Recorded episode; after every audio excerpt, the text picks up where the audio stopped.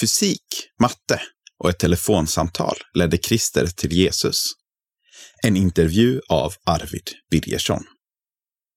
Sommaren är ljum när Christer, 12 år, cyklar hem från en kompis. Under cykelturens gång tar han det slutgiltiga steget att bli ateist. Christer har gett upp tanken på att det finns en gud. Men Gud har inte gett upp hoppet om Christer. Det är i början av maj när jag slår telefonnumret. Det går till Christer Renard, tidigare fysiker, lärare och föreläsare.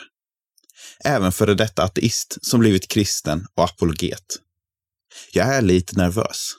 Det är ju ett riktigt intellekt jag ska intervjua.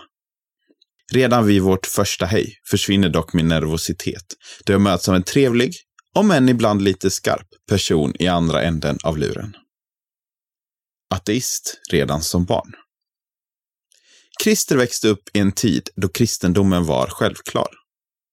Som barn bads det alltid aftonbön och bordsbön och skoldagen började alltid med en morgonbön.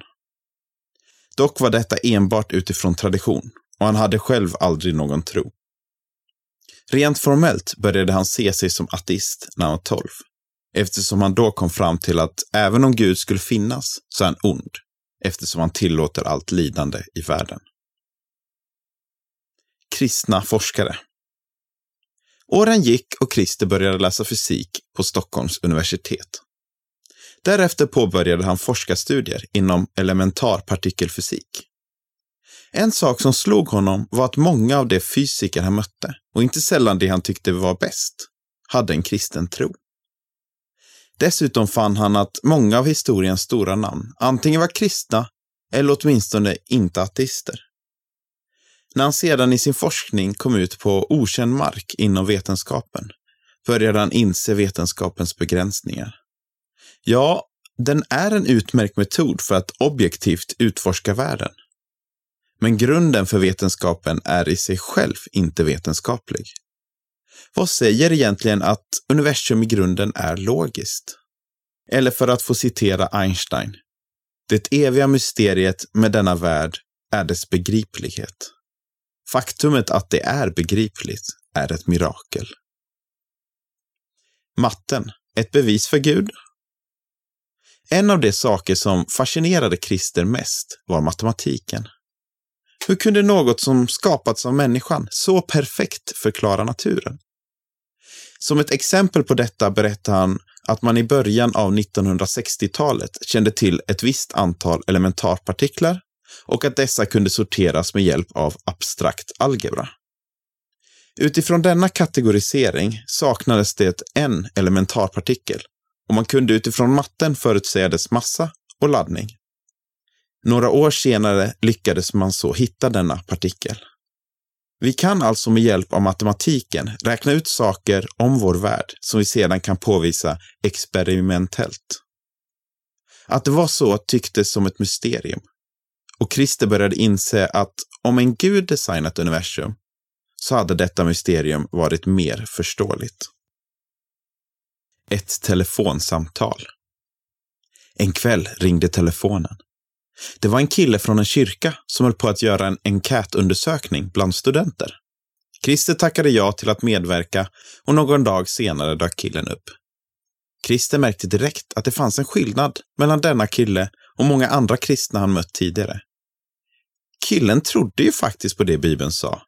Och det väckte både Christers respekt och nyfikenhet. Christer började slänga fram sina invändningar, men märkte till sin förvåning att han fick bra svar. Då tog han fram sin favorit sedan barnsben. Hur kan Gud vara både allsmäktig och god när världen är full av lidande? Jaså, du menar det gamla teodicé-problemet?